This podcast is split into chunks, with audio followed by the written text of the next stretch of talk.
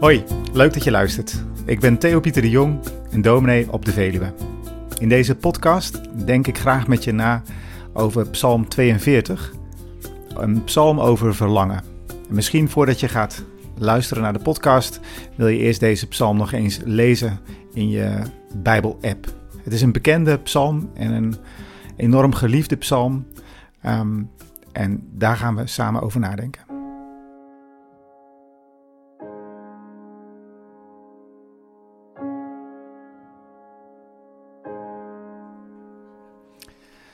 Psalm 42.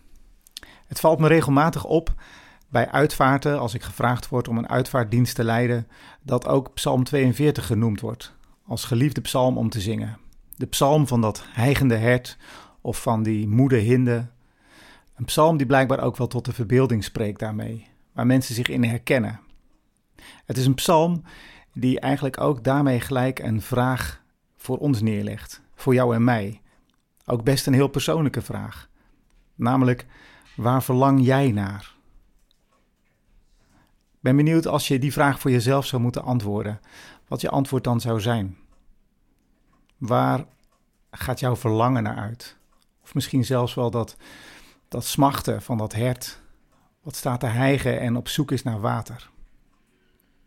Psalmen zijn enorm veelzijdige en vaak ook erg persoonlijke liederen.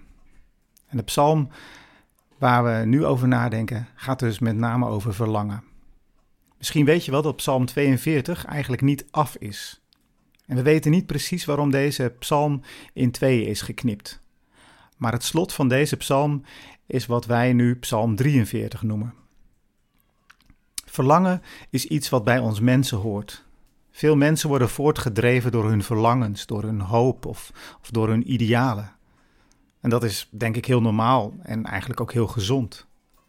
Een mens die niks meer verlangt, vinden wij misschien zelfs wel zielig of betreurenswaardig.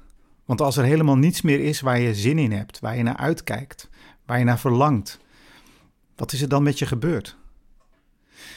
Die stoïcijnse levenshouding, die past niet meer echt bij onze cultuur van vandaag. Vroeger misschien wel, toen was het juist heel eerbiedwaardig en een vorm van wijsheid om niets meer te verlangen. Sommige mensen flirten daar nog wel eens wat mee met zo'n idee. Soms ook wel via, dat, via het boeddhisme, dat je probeert te onthechten. Maar dat niet meer verlangen, dat past niet echt bij hoe er in de Bijbel over ons mens zijn wordt gesproken. Nee, dat een mens ergens naar verlangt, dat is iets goeds volgens de Bijbel. Het hoort bij mensen. Maar bij God trouwens, zou God ook verlangen? Waar zou God naar verlangen? Van Jezus lezen we het wel. Dat hij bijvoorbeeld grondig naar dat moment met zijn vrienden verlangt, op het laatst van zijn leven. Ik vind dat altijd aangrijpend als ik die woorden in het evangelie lees of hoor. Jezus, die misschien net als wij wel, wel buikpijn had vanwege al die menselijke emoties. Verlangen, van hoop, van heimwee, van, nou, noem het allemaal maar op. Nou, hoe dan ook, in Psalm 42 slash 43 horen we dus ook over iemand die bijna buikpijn van verlangen heeft. Zo begint die psalm met dat krachtige en overbekende beeld van zo'n hert wat smacht naar water. Zo verlangt de dichter van de psalm. En wat voor verlangen gaat het hier dan over? Nou, simpel gezegd, over heimwee. Heimwee naar God. En in dat lied van heimwee, van verlangen naar thuis, klinkt een refrein. Wel drie keer. Drie keer klinkt het: Wat buig je je neer, mijn ziel? Wat kreun je over mij? Verwacht het van God, want eens zal ik Hem weer danken. Hem die mijn aanschijn bevrijdt, die mijn God is. Prachtige, wat plechtige taal ook. En in dat refrein is die dichter dus eigenlijk hardop aan het denken en zichzelf aan het toespreken. Ik ben benieuwd of jij dat ook wel eens doet. Ja, in alle eenzaamheid of in alle godverlatenheid gaat de schrijver dus maar met zichzelf in gesprek. Soms ben je voor jezelf ook nog de enige gesprekspartner en moet je jezelf wel toespreken. troostend, opbeurend of terechtwijzend. Nou, zoiets doet de dichter van die psalm dus hier. Alsof hij tegen zichzelf zegt: Hé, hey, wat zit je hier nou te sippen? Wat ben je onrustig? Hoop nou op God, want echt, die tijd komt weer terug dat je jubelt en juicht voor God. Op de momenten dat je onrustig en te neergeslagen bent, kun je vaak veel ook over jezelf leren. Want als je stilstaat bij waar je nu echt naar verlangt, dan is de volgende vraag natuurlijk: kom je dat dan nu tekort? Zo is de dichter met zichzelf in gesprek en, en steeds komt dat refrein weer terug en spoort hij zichzelf weer aan in alles wat hem dorstig maakt. Het doet me denken aan, aan een andere psalm. In Psalm 131 bijvoorbeeld zegt de dichter dat hij zichzelf weer tot rust heeft gebracht, zoals een kind tot rust en stilte komt bij zijn moeder in de leeftijd waarop het van de borstvoeding afgaat. En je kunt je voorstellen dat dat niet makkelijk is. Dat kind huilt en verlangt, maar het opvallende is dat die dichter dan daar ook zo met zichzelf omgaat. Heb ik mijn ziel niet stilgezet in de oude psalmberijming? En in een van de nieuwste psalmberijmingen, ik was een moeder voor mijzelf. Mooi gezegd vind ik dat, een moeder voor jezelf zijn. Ben jij dat wel eens? Een liefdevolle moeder voor jezelf, die troost? Volgens mij is dat een levenskunst, als je op die manier liefdevol met jezelf kunt omgaan. Misschien is dat ook wel een voorwaarde voordat je dat voor een ander kunt doen. Liefdevol, aandachtig luisterend. En dat is wat anders dan soft, maar echt liefdevol. Zo spreekt de dichter van Psalm 42, 43 zichzelf dus ook toe. Want zijn gevoel zegt: Ik ben vergeten. Maar zijn geloof zegt: Mijn God, mijn rots. En allebei die dingen klinken in vers 10. Ik vind dat ontroerend. Ik weet niet hoe het op jou overkomt en, en ik weet ook niet of het jou lukt om soms tegen je ervaring in dat geloof, die hoop op God levend te houden. Ja, want je geloof kan natuurlijk ook heel kwetsbaar zijn. Er is zoveel wat, wat ons geloof of misschien ook wel ons verlangen bedreigt. Er is zoveel wat ertoe kan leiden dat je verlangen langzaam wegkwijnt, tot er alleen nog maar onverschilligheid over is. Ik ben best wel aardig wat mensen tegengekomen die door de teleurstellingen en frustraties van het leven van gelovige mensen tot cynische of doemdenkende mensen waren geworden. Het wordt niks met dat koninkrijk van God.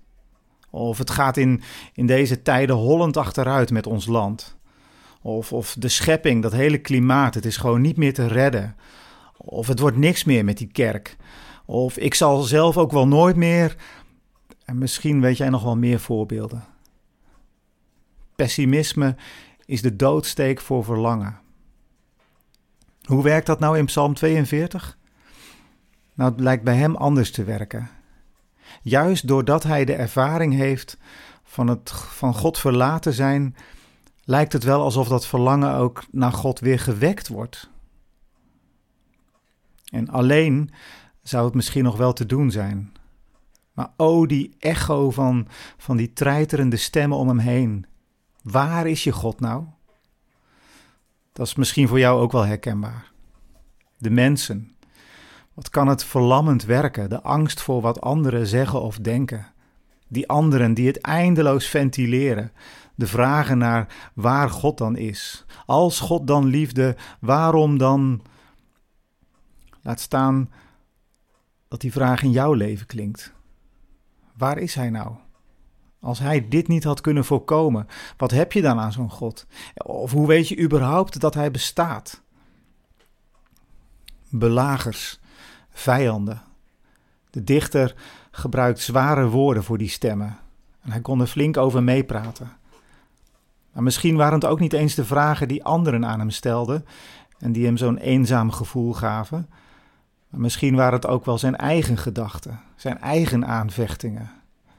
Misschien was het wel zijn innerlijke strijd die hem uiteindelijk dorstig achterliet. En dat kan natuurlijk allebei. Belagers van buiten of belagers van binnen? Want na verloop van tijd in de psalm wordt het ook zijn eigen bange vraag. Waar bent u nou, God? Het lijkt in de psalm wel alsof de schrijver dan plotseling om zich heen kijkt. Alsof hij weer wakker schrikt uit al zijn gedachten. Waar zit hij eigenlijk? Al pijnzend, tobbend of biddend, waar is hij terechtgekomen? Uit vers 6 blijkt dat de dichter letterlijk ver van huis is. Ver van Gods huis, ver weg van Jeruzalem. Nee, hij zit op een hele andere berg. Hermon, notabene, of all places, in het uiterste noorden, in de eenzaamheid, op de Golanhoogte, waaruit een bruisende waterval de Jordaan ontspringt. En in al dat stromende water, watervloed over watervloed heen, ziet hij zijn eigen innerlijke stormen terug. Een waterval. Misschien doet dat hem ook wel aan zijn eigen persoonlijke waterval denken. De tranen over zijn wangen, van verlangen, van puur verlangen, van heimwee naar God. Al dat smachten en verlangen bereikt in deze psalm zijn hoogtepunt in Psalm 43, vers 3. Kom toch, o God, stuur uw licht en laat uw waarheid. Niet mijn gedachten, niet mijn emoties, die, die, die heen en weer schieten als, als balletjes in een flippenkast, maar laat uw waarheid. En niet de wijsheid van welke Godgeleerde dan ook, maar laat uw waarheid mij leiden. Terug naar uw berg, de plaats waar het goed is, omdat ik daar dicht bij u ben. Verlangen. Uiteindelijk heeft veel van jouw verlangen misschien ook wel met een verlangen naar God zelf te maken. Daar hoef je trouwens ook helemaal niet eens zo gelovig voor te zijn. Maar zou God dan iets met jouw verlangen kunnen? We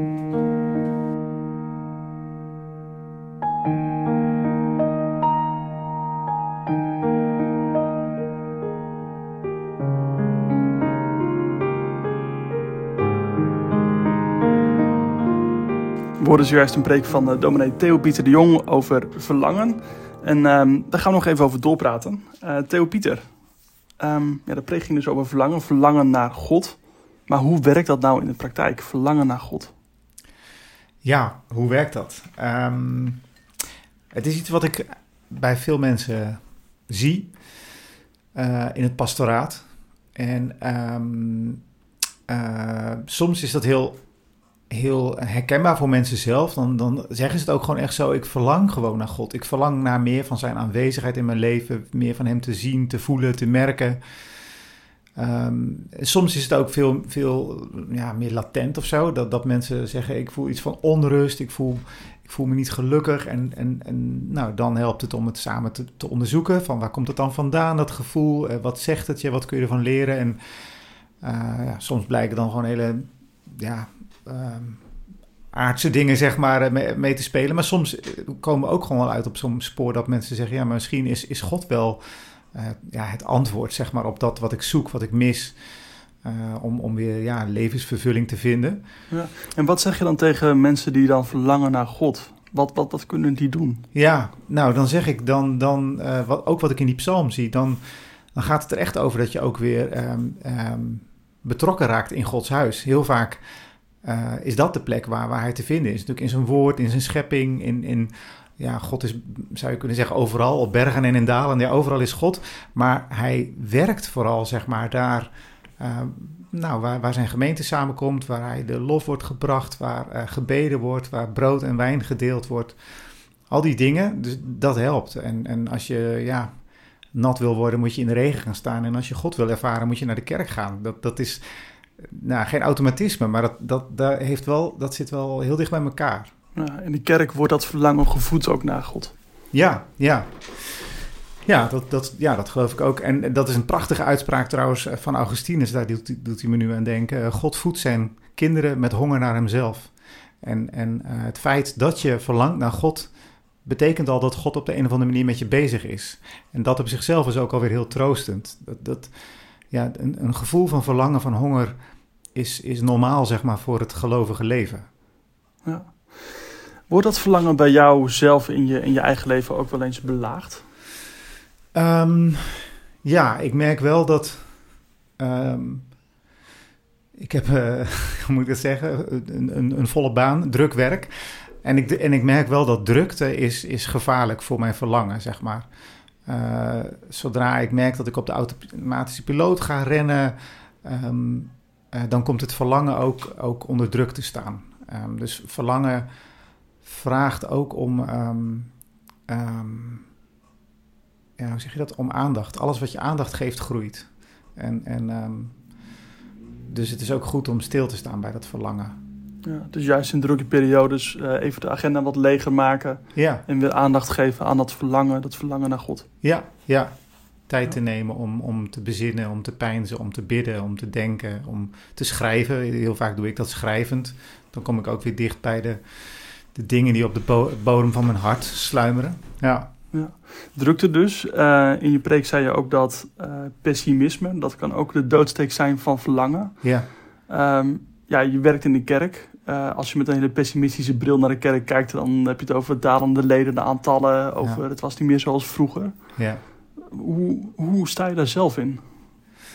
Ehm, ja, ik zei net al, het valt gelukkig ook niet helemaal samen, God en zijn kerk.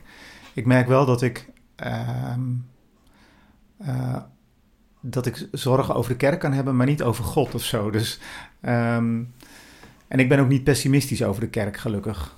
Ehm, dus ja, maar, maar meer in zijn algemeenheid merk ik wel dat, dat eh, verbitterde mensen voor hen is het heel lastig om hun geloof eh, fris te houden. En, en, en, en pessimisme, verbittering, cynisme, dat is het allemaal een beetje in hetzelfde spectrum volgens mij. Dat, dat is, eh, dan is het lastig om, om, eh, om te blijven hopen en verlangen op God. Want het het zijn ook soort uitingen van, van, van ongeloof of zo. Ja, Kunnen dat zijn? Ik bedoel, er kunnen heel veel goede redenen zijn waarom mensen iets van bitterheid voelen in hun leven. Maar eh, volgens mij ligt daar dan ook een opdracht voor die mensen om daarmee aan de slag te gaan. Want als dat een soort de, de levenstoon wordt, ja, dan, dan komt het verlangen naar God in het gedrang. ja. Maar is er is bij jou nooit een, nooit een zaadje van, van cynisme te vinden of eh, bitterheid misschien ook wel? Nee, nee, nee. En ik denk echt, dat, dat, dat is ja. Nou, nu, nu ik er zo hard over, na zit te denken, misschien heeft, ja, eh, heb ik, eh, mag ik God daar ook voor danken? Ja, dat had ze wel gekund, ja. Maar gelukkig niet. Ja. Dankjewel voor je preken over eh, verlangen. Ehm, je wil ook afsluiten met een gebed. Goede God, we willen u danken dat u die God bent die, die mensen wil, wil, wil voeden met honger. Dat is een, een wonderlijk iets hoe dat werkt in het geloof. Maar, maar dat we ja, ook in ons eigen leven mogen zien dat, dat als ons verlangen naar u gaat, dat u ons al een stap voor was. En dat u zo werkt in onze harten om, om omhoog te kijken, om, om niet genoegen te nemen met, met wat we voor ogen zien of wat we aantreffen op deze aarde en in dit leven, maar dat u er bent en, en ehm, ja, dat u werkt in al deze dingen daar dwars doorheen, door, door diepten, door woestijnen heen. Ehm, trekt u ons verder mee uw toekomst in Ehm, en mogen we hopen en verlangen naar, naar uw rijk, het, ja, het, het Godsrijk, waarin u alles in allen bent en alles volmaken zult. We danken u voor dat wenkende toekomstperspectief en, en uw Zoon Jezus Christus als eersteling daarvan, van die grote oogst. Ehm, we bidden u, blijf ons voeden met verlangen naar uzelf en wilt u ons helpen daar tijd en ruimte voor te maken in ons leven. Zo willen we u bidden en danken. In Jezus' naam. Amen. Bedankt voor het luisteren. Leuk dat je erbij was. Ik hoop dat je er wat aan gehad hebt en dat je ook de volgende afleveringen wilt uh, luisteren. Uh, om daarvan op de hoogte te blijven is het handig uh, om je te abonneren op deze podcast via Spotify en Apple Podcast. En over twee weken vind je dan een nieuwe aflevering. En dan denk ik graag met je na over die beweging van teleurstelling naar hoop. Tot dan.